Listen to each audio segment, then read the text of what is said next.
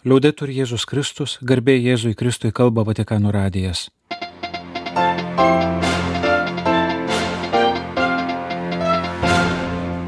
Malonus klausytojai šioje programoje. Sekmadienio vidudienio maldos susitikimą Šventojo Petro aikštėje. Popiežius kalbėjo apie nedėkingumą, kuris virsta gudumu ir galiausiai smurtu. Apie dramatišką situaciją Izraelyje, priminė Ukrainą ir Sinodą. Už vienuolinės kongregacijas atsakingos dikasterijos vadove paskirta vienuolė. Nauja Didžiosios Marijos bazilikos interneto svetainė. Keletas praėjusios savaitės įvykių ir straipsnių Lietuvoje.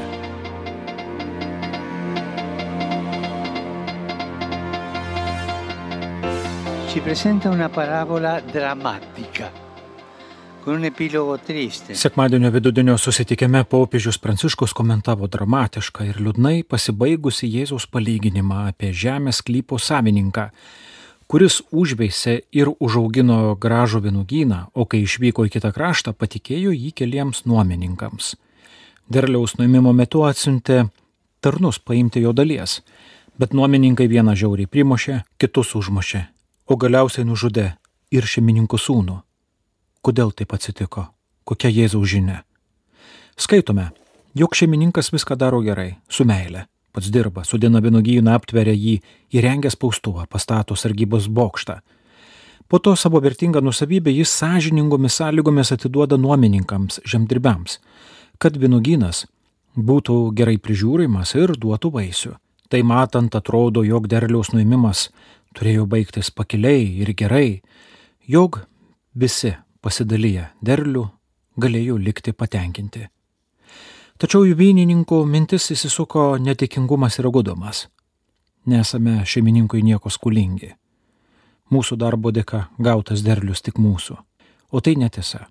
Jie turėtų jausti dėkingumą už tai, ką gavo ir kaip su jais buvo elgiamasi. Tačiau nedėkingumas maitina gudumą ir juose atsirado, bei palengva pradėjo stiprėti maišto jausmas, kuris iškraipė pasaulio suvokimą. Jie pradėjo manyti, kad ne jie, bet darbo jiems davė šeimininkas yra jiems skolingas. O kai pamato šeimininko sūnų, net pareiškia, tai įpėdinis, eime, užmuškime jį ir pasiimsime jo palikimą.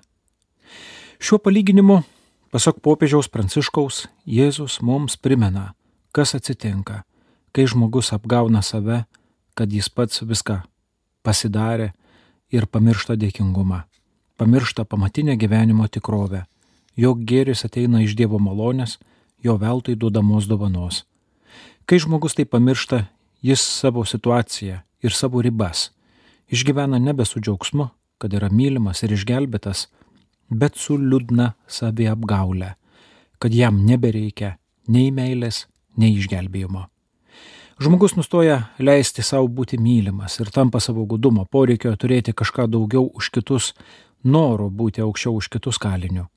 Iš čia kyla tiek daug nepasitenkinimo ir kaltinimų, tiek daug nesusipratimo ir pavydo, o tada, vedamas apmaudą, žmogus gali būti įtrauktas į smurto sūkurį.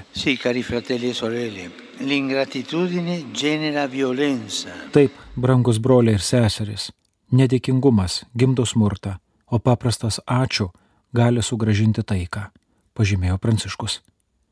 Tad paklauskime savęs, kvietė jis, ar suprantu, kad gavau gyvenimą ir tikėjimą kaip dovana ir kad aš pats, aš pati esu dovana. Ar tikiu, kad viskas prasideda nuo viešpaties malonės? Ar suprantu, kad esu jos gavėjas, be nuopelno, neatlygintinai, mylimas ir išgelbėtas? O svarbiausia, ar atsakydamas į malonę, mokau pasakyti ačiū. Žmogiško sugyvenimo paslapti, pridūrė popiežius Pranciškus, galima apibūdinti trimis mažai žodžiais. Grazie, permesso, perdono. Ačiū, atleisk, ar galiu. Ar mokame juos ištarti gyvenime? Ačiū yra nedidelis žodis, kurio kasdien laukia Dievas ir mūsų broliai bei seseris.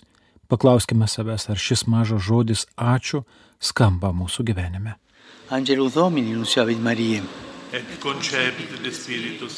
Spalio 8-osios popietė buvo pranešta bent apie 600 žuvusių žydų, 400 žuvusių palestiniečių, keletą tūkstančių sužeistųjų, įskaitant šimtus kritiškai abiejose pusėse. Žuvusiųjų skaičius didės. Interneto erdvėje pasirodę video įrašai liudyja apie itin brutalias civilių egzekucijas Izraelio teritorijoje, kaip ir apie aviacijos smūgių iš oro aukas gazoje. Kare pralaimi visi, sekmadienį pakartojo popiežius. Beprecedentės atakos iš gazos ruožo teritorijos iniciatorė yra Hamas grupuotė, deklaruojanti religiškai grindžiamą Izraelio sunaikinimo siekį ir pripažinta teroristinė organizacija. Tarptautinių aktualių apžvalgininkai išryškina pasiekmes geopolitikai ir viešai nuomoniai. Pasak jų, taip bus sutrukdyta susitarti Izraeliui ir Saudo Arabijai, Hamas remiančio Irano priešininkėms. Taip pat galima paramos karinės ir finansinės mažėjimą Ukrainai, kaip ir Rusijai naudinga vakarų dėmesio nukreipimą kitur. Kaip žinoma, pastruoju laiku Rusija ir Iranas palaiko intensyvius ryšius. Bet ir šį sekmadienį, kaip daugybė kitų prieš tai, popiežius meldė nepamiršti Ukrainos. Su nerimu ir liūdėsiu stebiu įvykius Izraelyje, kur smurtas tapo dar žiauresnis ir po savęs palieka šimtus žuvusiųjų bei sužeistųjų. Išreiškiu užuojautą aukų šeimoms, meldžiuosi už jas visas ir už visus, kurie išgyvena siaubo ir kančios valandas. Prašau sustabdyti išpolius ir ginklus, suprasti, jog terorizmas ir karas netveda prie problemų sprendimo, tik prie daugybės nekaltų žmonių mirties ir kančių. Karas yra pralaimėjimas, kiekvienas karas yra pralaimėjimas. Melskime už taiką Izraelyje ir Palestinoje, sakė Pranciškus. Šį spalio mėnesį skirtą ne tik misijoms, bet ir rožinių maldai, Nepaliaukime Marijai užtariant prašyti taikos dovanos daugybei karus ir konfliktus patiriančių pasaulio šalių. E Toliau prisiminkime brangėją Ukrainą, kuri kasdien taip daug kenčia, pridūrė popiežius. Jeruzalės lūtynų patriarchas Pier Batista Pizzabala, visų patriarchatui priklausančių parapijų ir bendruomenių kunigus paprašė spalio 8 dienos sekmadieninės mišes aukoti su karo veiksmų nutraukimo ir paliaubų šventojoje žemėje intenciją, prašant viešpati užkirsti kelią tolesniam kraujo praleimui, gyvybių traiškimui ir vilčių palaidojimui. Galiausiai sekmadienio vidudienį popiežius taip pat padėkojo tiems, kurie dėmesingai stebi viskupų sinodo apie sinodiškumo darbus, meldžiasi už šio bažnytinio įsiklausimo, pasidalymo ir broliškos bendrystės šventojoje dvasioje susitikimą. Visus kviečiu patikėti sinodo darbus šventajai dvasiai, sakė popiežius Pranciškus. Spalio 7-ąją Šventojo sosto spaudos salė pranešė apie tai, kad į vienuolyjų ir apaštalinio gyvenimo draugijų reikalais besirūpinančios dikasterijos sekretoriaus tai antros pagal svarbą pareigos po prefekto, vietą paskirta sesuo vienuolė Simona Brambilla. Popiežius Pranciškus toliau pildo, kaip yra sakęs, nuostata iš Šventojo sosto pareigybės, kurios specifiškai nereikalauja būti kunigu arba vyskupu, skirti daugiau moterų ir tikinčiųjų pasauliečių. Sesuo Simona Brambilla gimė 1965 kovo 27 Monzoje, Italijoje. 1986-aisiais baigė slaugių studijas. 88-aisiais įstojo į pagodos misionierių seserų kongregaciją. 1991-aisiais davė pirmuosius įžadus. 1998-aisiais baigė Popiežiškojo Grigaliaus universiteto psichologijos institutą ir po amžinųjų įžadų išvyko į Mozambiką. Nuo 2005 iki 2011 sesuo Simona Brambila ėjo pagodos seserų misionierių kongregacijos generalinės patarėjos pareigas. 2008 metais apgynė psichologijos daktaro laipsnį. 2011 buvo išrinkta pagodos seserų misionierių kongregacijos generalinė vyresnėja ir šias pareigas ėjo iki 2023 gegužės. Darbas Pašvastojo gyvenimo instituto ir apaštališkojo gyvenimo draugijų dikasterijoje jai nebus naujiena. Nuo 2019 metų ji yra šios dikasterijos narė.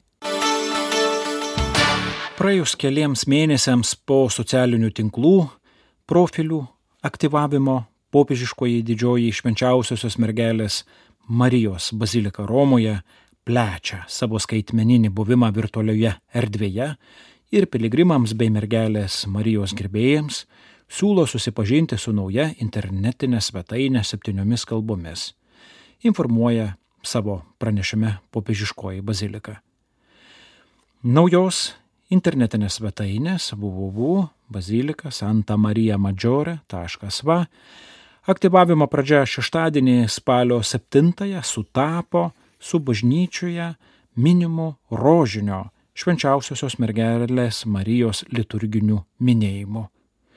Bazilikos ypatingasis komisaras arkivyskupas Rolandas Makrickas svetainės aktyvavimo proga išsakė viltį, kad ji per virtualius kanalus sutvirtins ryšį, šimtmečius vienijantį šiai Marijai dedikuotą baziliką su tikinčiaisiais ir leis ją paprasčiau pasiekti esantiems toliau.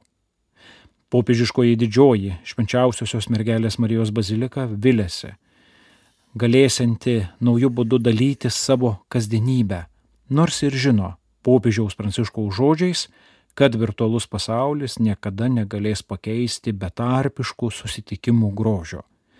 Tačiau krikščionis jau gyvena skaitmininėme pasaulyje ir turėjome gyventi, pažymima komunikate. Paskutinėmis rugsėjo dienomis Vilniuje lankėsi Kyjevo Haličo graikų apieigų katalikų bažnyčios didysis arkivyskupas Svetoslavas Ševčiukas.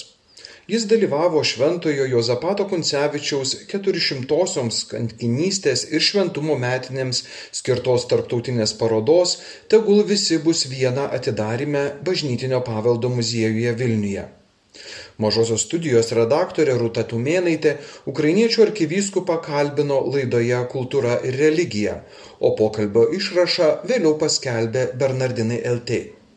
Atsakydamas į klausimą apie šventojo Jozapato gyvenimo aktualumą, Svetoslavas Švevčiukas pabrėžė šventojo paliudytą vienybės reikšmę, tokią svarbę krikščionims visais laikais.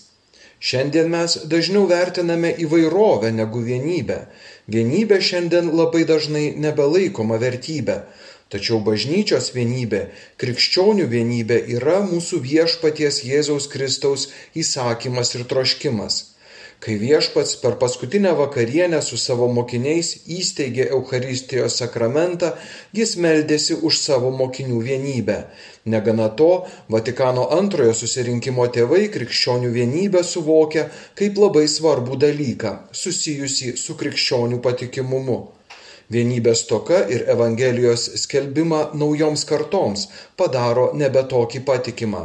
Taigi mums reikia tos vienybės, mes jos siekiame ir melžiame, aukojame už ją savo gyvybę. Ukrainos graikų apieigų katalikų bažnyčiai Juozapato asmenybės ir jo šventumo žinia yra ypatinga ir labai svarbi nes jis savo krauju užanspaudavo vienybę ir bendrystę tarp Kyjivo bažnyčios, kuri priklauso bizantiškai tradicijai, ir Šventojo Petro įpėdinio, kuris yra lotiniškosios tradicijos vadovas krikščioniškajame pasaulyje. Ši vienybė yra bažnyčios katalikiškumo, kitaip tariant, visuotinumo išraiška. Žmonės dažnai mano, kad būti kataliku reiškia priklausyti lotiniškai tradicijai, bet taip nėra nes Kristaus bažnyčia tai skirtingų krikščioniškų tradicijų vienybė. Interviu mažai studijai kalbėjo Kyjevo Haličo graiko apieigų katalikų bažnyčios didysis arkivyskupas Svetoslavas Ševčiukas. Spalio trečią dieną dienraštis Bernardinai LT sugrįžo prie diskusijų apie deramą komunijos prieimimo būdą. Gabrielius Klimenka savo straipsnį Komunija į rankas arba kai Euharistija tampa karo priežastimi pradeda keliomis pastobimis apie diskusijų šią temą kultūrą. Kiek tenka pastebėti, paprastai diskusijose apie komunijos prieimimo būdus aršiausiai yra tie, kurie mano, jog vienintelis ir pats teisingiausias būdas yra priimti komuniją į burną.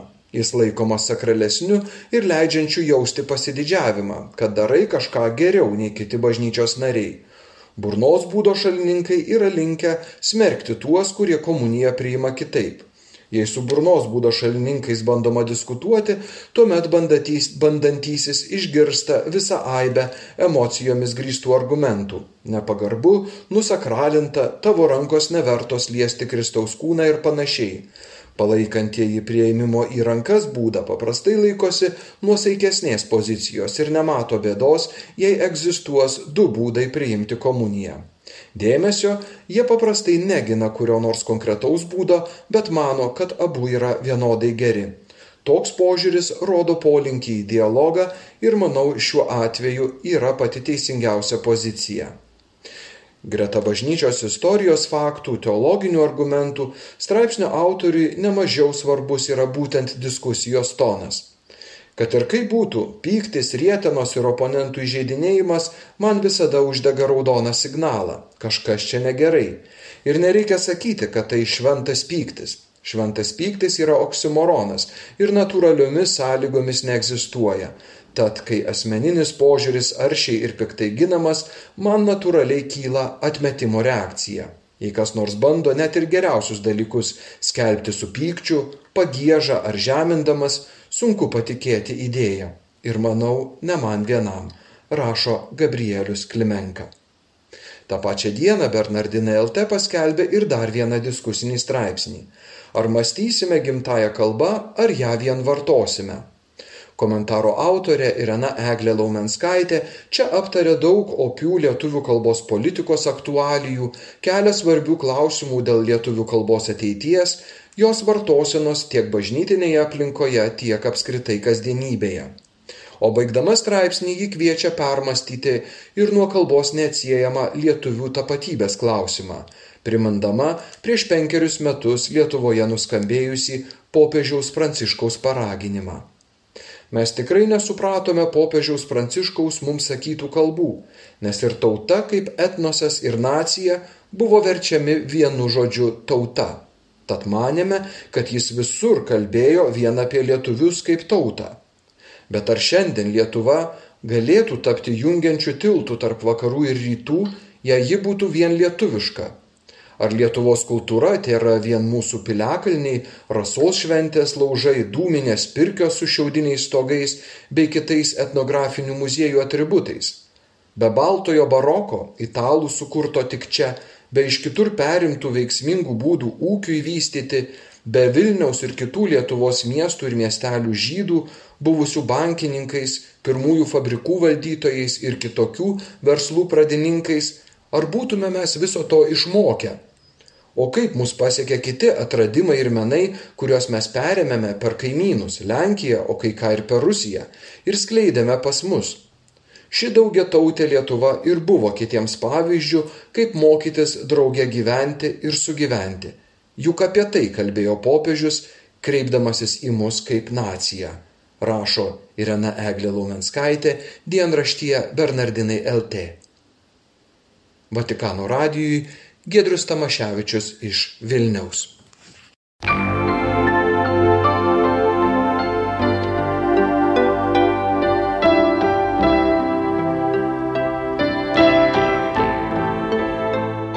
Malonus klausytojai laidą lietuvių kalbą baigiame.